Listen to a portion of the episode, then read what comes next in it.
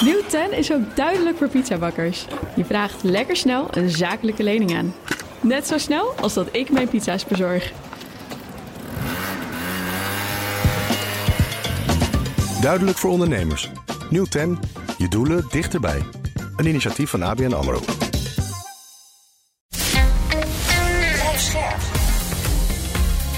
BNR Nieuwsradio. Boekenstein en de Wijk. Hugo Reitsma. Dit is een extra uitzending van Boekenstein en de Wijk in verband met de oorlog in Oekraïne en de crisis met Rusland. Het is donderdag, dag 358 van de invasie. En wij hebben weer een interessant stuk om te bespreken. Ja, een stuk van uh, Hubert Smeets voor die uh, website Raam op Rusland, die veel mensen zullen kennen, denk mm -hmm. ik. Hè? Raamoprusland.nl. Uh, en het heet Eén jaar oorlog, de realistische school moet eens in de spiegel kijken. Nou, wat, wat zit uh, Hubert Smeets er allemaal te betogen? Hij zegt van ja, als je alleen maar uh, als realist naar de wereld kijkt, dan vind je dus dat might makes right. Hè? Dat is echt macht. een soort traditie binnen de ja. internationale betrekkingen. Hè? Ja, je, macht ja. maakt recht en moraal is altijd onzin. Het gaat gewoon om macht. Ja. Hè? Nou, die, en, en nou zegt uh, Hubert, luister eens, Oekraïne heeft niet zoveel macht.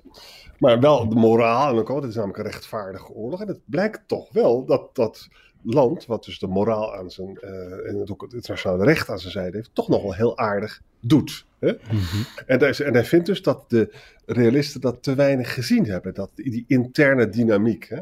Nou, wat ik er zelf van vind, dat zeg ik maar gelijk even op. Wat ik er nou zo leuk aan vind, ik ben een bewonderaar van Kissinger, dat weten jullie wel. Hè? Mm. En als je dat boek Diplomacy heel goed leest, en dat heb ik heel vaak gedaan, dan zegt hij Kissinger is namelijk is nooit voor één gat te vangen. Die zegt van, kijk, hoe kan je een stabiele wereldorde maken? Dan moet je een fysiek machtsevenwicht hebben. Dat wil zeggen, de, de, de krijgsmachten moeten ongeveer even groot zijn, want dan is de kosten van een aanval te groot. Dus heb je vrede. Maar, zegt hij, de orde moet ook legitiem zijn. Want als dingen heel erg niet legitiem zijn, is dat ook instabiel. En dan zullen mensen revanchistische gevoelens koesteren. Hè? Mm-hmm. Nou, kijk, en Kissinger is zelf dus ook ten aanzien van die oorlog gedraaid. Wat ik ongelooflijk interessant. Hij zei in het begin: er moet onderhandeld worden, er moet een deal met Rusland komen. En toen Poetin zo verschrikkelijk ging huishouden, weet je nog, in Mariupol. Toen zei Kissinger: ja, onderhandelen, dat zal dus nu niet meer kunnen. Omdat het zo illegitiem is. En even ja. voor de duidelijkheid, de Kissinger behoort, wordt gezien als, als, als behorend ja. tot die, uh, ja, en daar zit die school. En, en, en jullie ook, toch?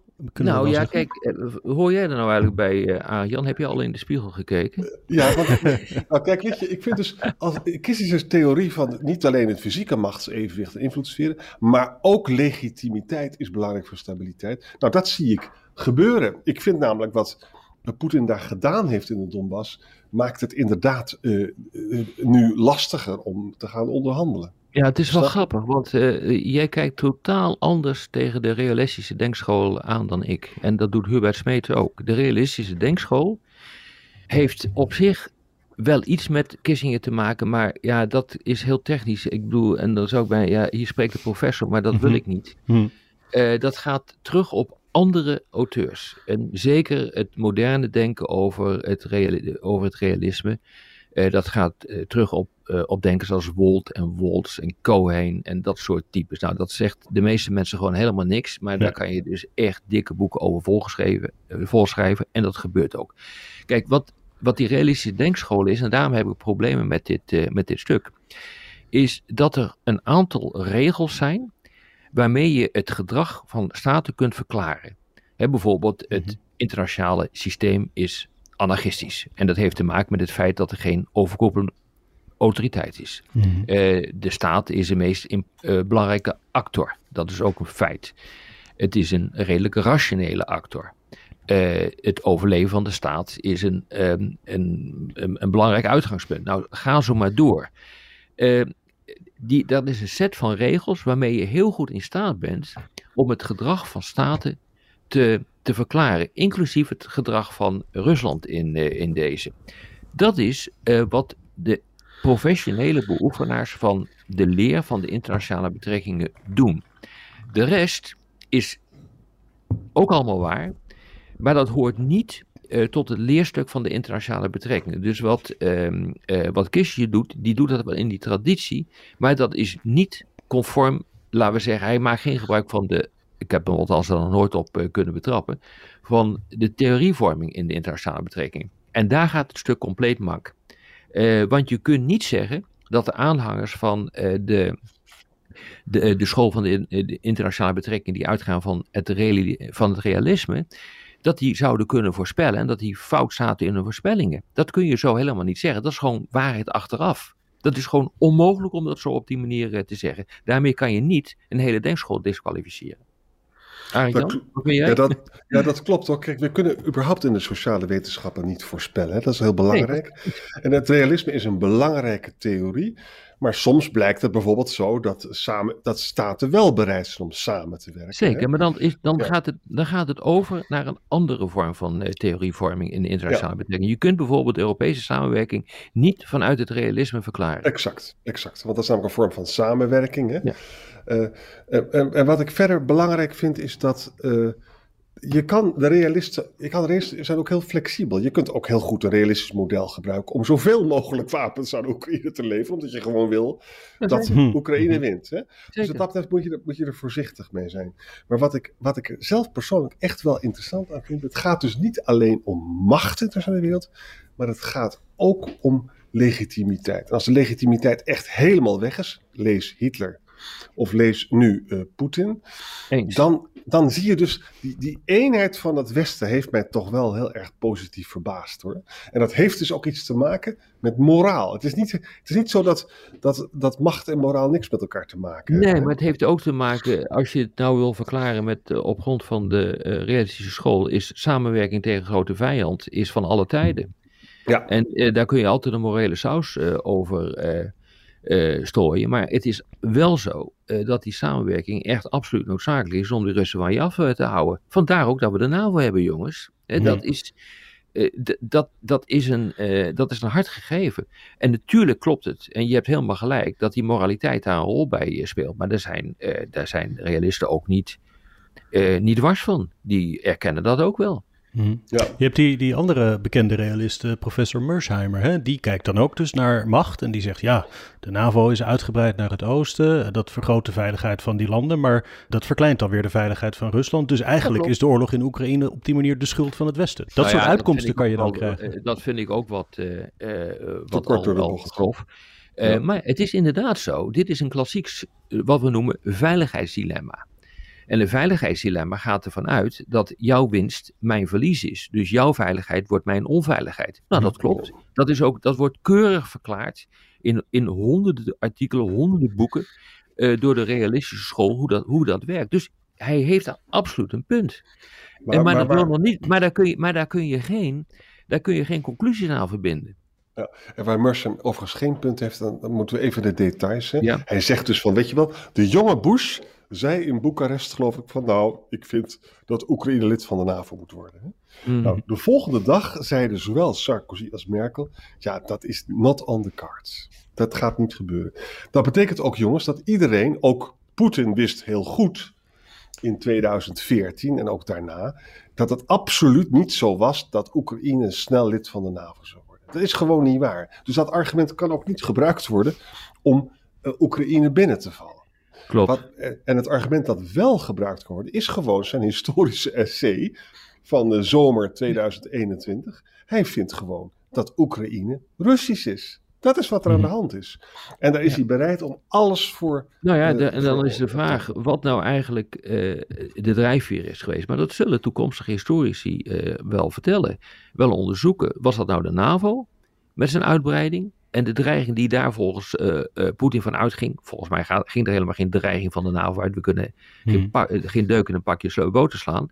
Maar het gaat natuurlijk om de perceptie van Rusland. Hmm. Ja. En de perceptie van Rusland, uh, ja, en dan, dat klopt perfect met de realistische denkschool en al die regels die daarin zijn om te kunnen toetsen. Dit gaat om machtsbalans. De machtsbalans was voor Poetin verstoord. Dus moet hij wat? Hij wil een bufferzone. Dat past erin. Uh, ja. Het is een zero-sum game. Jouw winst is mijn verlies. Het veiligheidsdilemma heb ik al eerder genoemd. En ja, weet je, dus je kunt het heel goed verklaren. Uh, maar die moraliteit is natuurlijk ook uh, belangrijk. En daar ben ik het wel eens met dit stuk, dat die moraliteit ook erg belangrijk is. Maar daar gaat het niet om. Het mm. gaat bij, de, bij die bij die denkschool gewoon om een, aantal, een set van regels en theorievorming om te kunnen verklaren wat daar gebeurt. En dat kan heel goed. Ja, dan komen dingen uit die je niet wil horen, maar dat is wat anders. En, dat is vaker en, en dit, is, dit is ook de reden waarom, dat wordt iedere keer in mijn schoenen geschoven over die kernwapens, waarom de Amerikanen tot op de dag van vandaag zich druk maken over nucleaire escalatie. Dus um, ja, dat een, nucleaire escalatie voor, uh, uh, voor Poetin is vanuit het, de realistische denkschool een reden uh, om het machtsevenwicht te herstellen. Ja. ja.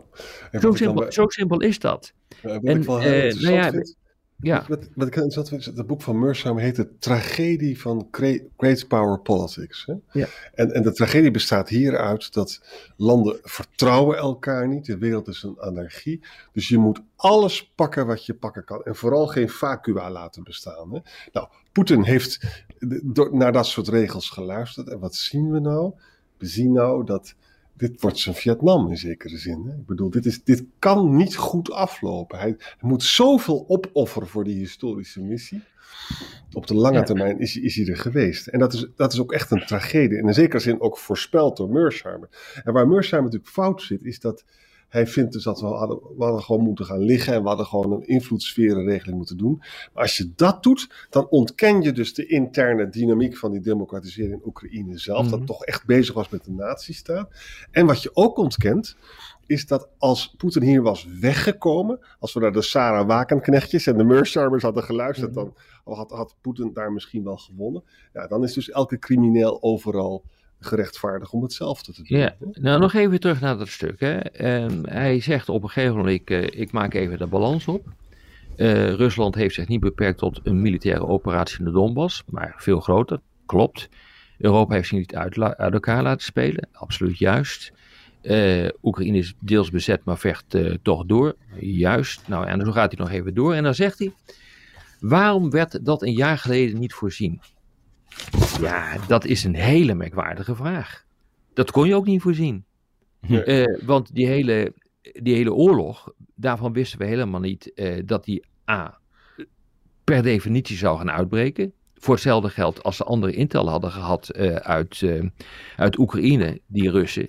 Want daar zit het grote probleem in. Waarom het ook zo slecht is gegaan in het begin. Gewoon echt foute inlichtingen. Als die intel wel op orde was geweest, dan hadden ze, dan hadden ze geen invasie uitgevoerd. Eh, dus dat is een hele merkwaardige conclusie. En dan zegt hij dat komt dat er niet voorzien is. Dan zou je denken dat het antwoord is: niemand heeft een glazen bol. Nee, eh, de, het antwoord is omdat de meeste realisten aan een gebrek aan intellectuele discipline lijden en mede daarom te weinig kennis van en zicht op Oost-Europa hebben. Hm. Ik, vind dat, ik vind dat ook gewoon een schoffering en ik vind dat ook gewoon veel en veel te gemakkelijk uh, opge, opgemerkt. En daardoor valt eigenlijk gewoon de bodem voor mij onder dit hele stuk weg. En dat vind ik echt een groot probleem. Maar, Eigenlijk als je het zo hoort, het lijkt meer, als ik het zo lees, niet zozeer gaat te gaan om de realistische of een andere school binnen de internationale betrekkingen. Maar je hebt de, de geopolitieken zoals jullie en je hebt de specialisten zoals Hubert Smeets die meer cultureel, historisch ernaar kijken. En dan denken van ja, uh, dan komt Rob de Wijk weer met zijn theorieën over oorlog. Maar hij ziet niet wat er bijvoorbeeld in Oekraïne is gebeurd ja, dat zien we de heel afgelopen goed. jaren. Dat zien we heel goed. Dat is de reden waarom, waarom ik bijvoorbeeld heb gezegd, hij gaat niet aanvallen omdat je heel goed kon zien wat er in Oekraïne gebeurde. En dat zou hij niet redden. Dat is, Ik heb het honderd keer gezegd in deze uitzending hm. inmiddels. Hm. dus het, het, klopt ook gewoon niet. En uh, het, het, het rammelt conceptueel. En daar zit een probleem in. Terwijl het best een leuk stuk is. Maar het is ook gewoon geen echt onderzoek. Hè? Het is een opinierend stuk en dan mag het ook allemaal. Dat vind ik geen enkel hm, probleem. Ja. Ik vind wel, wat, wat, ik het aardig van het stuk vind, maar het is ook met benefit of hindsight altijd. Hè? Maar dat is het hele stuk. Ja, dat is het hele stuk. Kijk, het Westen had bij die Poetins reden voor de Sicherheidsconferentie 2007 in München, hadden ze, ik weet nog goed hoe dat gebeurde, dat we er allemaal heel erg van schrokken, weet je nog? En we hadden dat door moeten trekken naar 2014. 2014 hebben we Sarkozy gestuurd. Uh, sorry, um, wanneer was Georgië? Help nog eens even. En, 2008. Uh, 2008, hè?